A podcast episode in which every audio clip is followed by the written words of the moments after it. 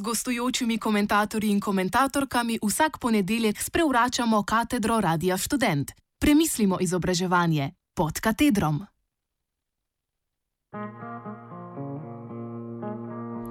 Lačna zebra.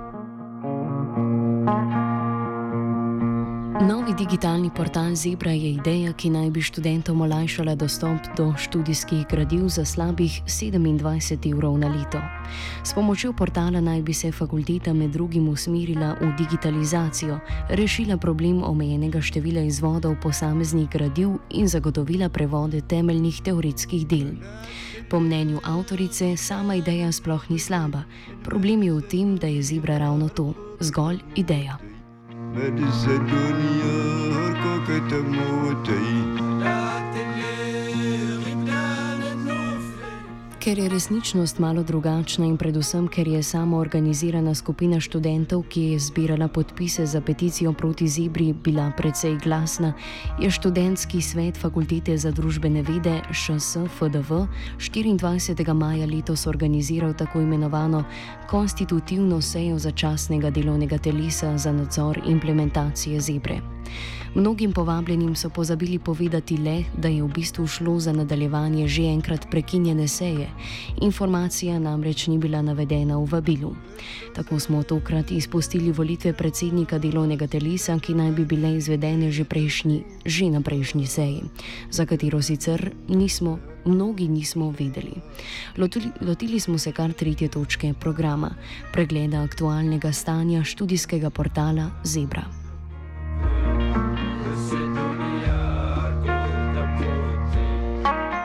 Seja je nedvomno bila zanimiva, saj so prisotni dobili priložnost, da izrazijo svoje mnenje in to so tudi storili. Zanimivo pa je bilo poslušati in sodelovati v praksi obtoževanja in iskanja opravičil za slabo upravljeno delo. Nekateri so povdarjali pomankljivosti portala, drugi pa pomankljivo izvedeno peticijo, ki študentom ni bila predstavljena v celoti in jih je posledično lahko tudi zavajala. Kakorkoli bistvo sestanka naj bi bilo reševanje problemov samega portala in po mnenju avtorice, so se vsi podpisniki strinjali s tem, da zebra ni takšna, kot bi si jo oni želeli, če si jo sploh želijo. Sama si je ne. Prav tako si mnogi prisotni na seji iz zadnjega letnika do diplomskega študija niso, še posebej zato, ker jo v bistvu nikoli ne bodo uporabljali, za njo so morali le plačati.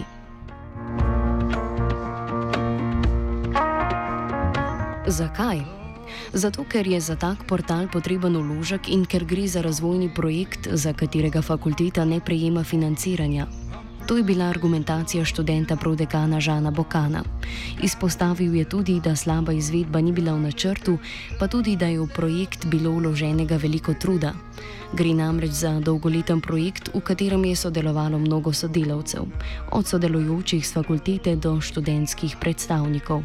Uložen trud in čas komentatorka sicer niti malo ne dvomi.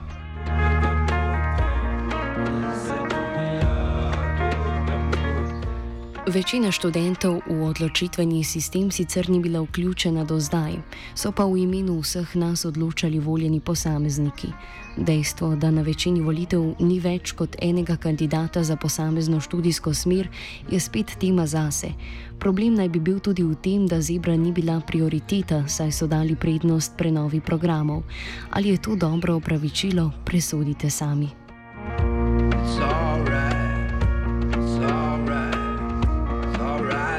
Glede na to, da za vse knjižnice Univerze v Ljubljani plačujemo skupno le slabih 16 evrov na leto, ni čudno, da je prišlo do toliko dvignjenega prahu za portal, ki niti ne deluje, oziroma saj deluje, le večina uporabnega gradiva zaradi slabe tehnične izvedbe na njem še ni dostopnega.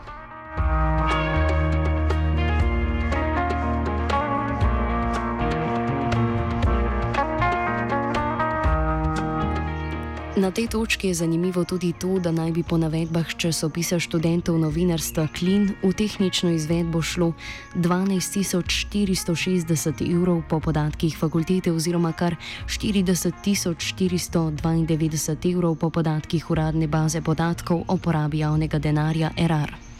Avtorja prispevka v Klinu navajata, da sta na vprašanje glede razlike med tema dvema zneskoma od vodstva fakultete prejela odgovor, da podjetje Spok za fakulteto izvaja raznovrstne storitve na področju informacijske podpore in razvoja, med drugim tudi za področje poslovne informatike, spletnega referata, aplikacij za prisotnost zaposlenih in pedagoških obremenitev in podobno, ter zagotovilo, da so podatki, ki so jih z fakultete posredovali, pravilni.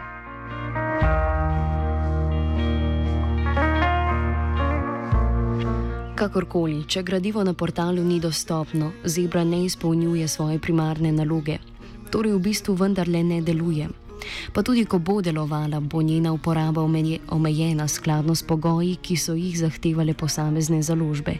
Naprimer, na 100 fotokopij na uporabnika na dan in na omejeno število uporabnikov nekega spletnega gradiva naenkrat.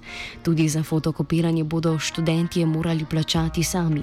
Bokan je kot eno izmed rešitev za problem omejenega tiskanja predlagal, da bi več študentov skupaj sodelovalo in bi vsak naredil določen določeno število fotokopij, na to pa bi si gradivo izposojali med sabo.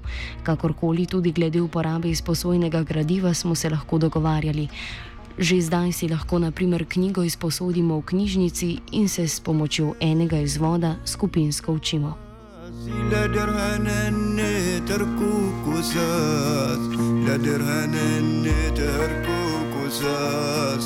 Študentje so sicer že iznašli svoj sistem za deljenje potrebnega gradiva. Vsako leto namreč na fakulteti poteka sejem študijskih gradiv, kjer študentje starejših letnikov prodajajo svoje stara gradiva mlajšim generacijam po zelo nizkih cenah.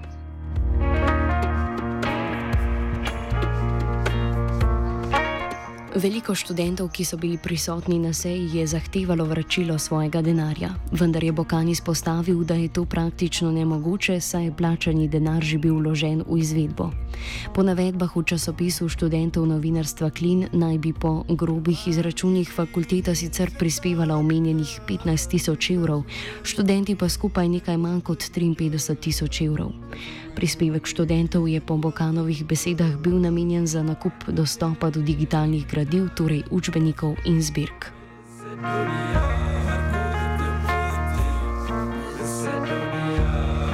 Mnogi študenti so na seji izpostavili, da enostavno ne želijo odštevati denarja za projekt, za katerega menijo, da ni niti transparentno voden, niti dobro izveden.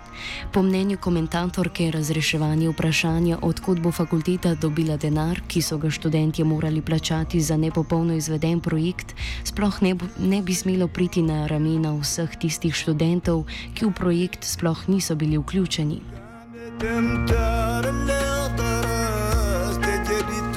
Tisti, ki so za ta problem odgovorni, bi ga morali tudi rešiti. Razlogi za izvedbene napake pri tem niso pomembni. Dejstvo je, da študenti zadnjih letnikov do diplomskega študija večinoma ne bodo uživali sadov portala, plačati pa so kljub temu morali, kot so nekateri izpostavili na seji. Krivda za problem ne leži na ramenih posameznih študentov. Zakaj bi potem vsi morali nositi njegovo breme? Res je, da tudi peticija ni bila izvedena, kot bi morala biti, vendar to dejstvo ne bi smelo zasenčiti napak, iz katerih peticija in nezadovoljstvo študentov v prvi vrsti izhajata.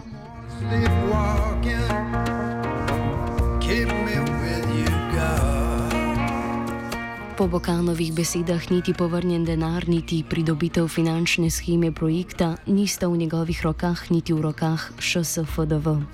Nasloviti je treba fakulteto, kar lahko stori tudi sam, ne more pa zagotoviti, da bo schemo dobil. Prav tako kot ŠSFDV ne more dobiti nazaj 27 evrov za vsakega študenta, ki je, prispevek, ki je prispevek plačal, ker enostavno je želel napredovati v višji letnik. Če nisi plačal, namreč kljub izpolnjenim pogojem, nisi mogel napredovati.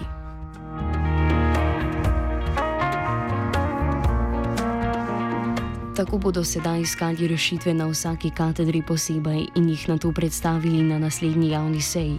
Seveda te rešitve v večini sploh niso finančne narave, gre le za vsebinske in tehnične spremembe ter dodatne ideje za izpopolnjevanje portala. Skupnimi močmi bodo študentje poskusili vsaj žni, znižati ceno za naslednje leto, ko bodo spet morali plačati, vendar bo po mnenju Bogana tudi to težko doseči, kaj šele vrčilo že plačanega denarja vsem tistim, ki so za plačanih 27 evrov dobili močno pomankljiv in za nje praktično neuporaben portal. Razumljivo. Napake se dogajajo. Kakorkoli že, avtorica meni, da je žalostno, pravzaprav nedopustno, da posledice čutijo vsi študentje fakultete.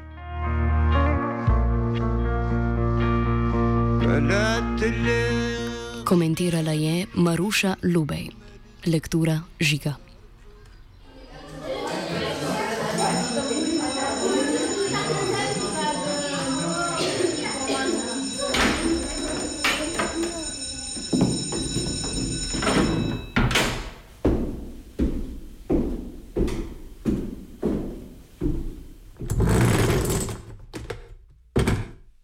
Gostujočimi komentatorji in komentatorkami vsak ponedeljek sprevračamo katedro Radia Student. Premislimo izobraževanje pod katedrom.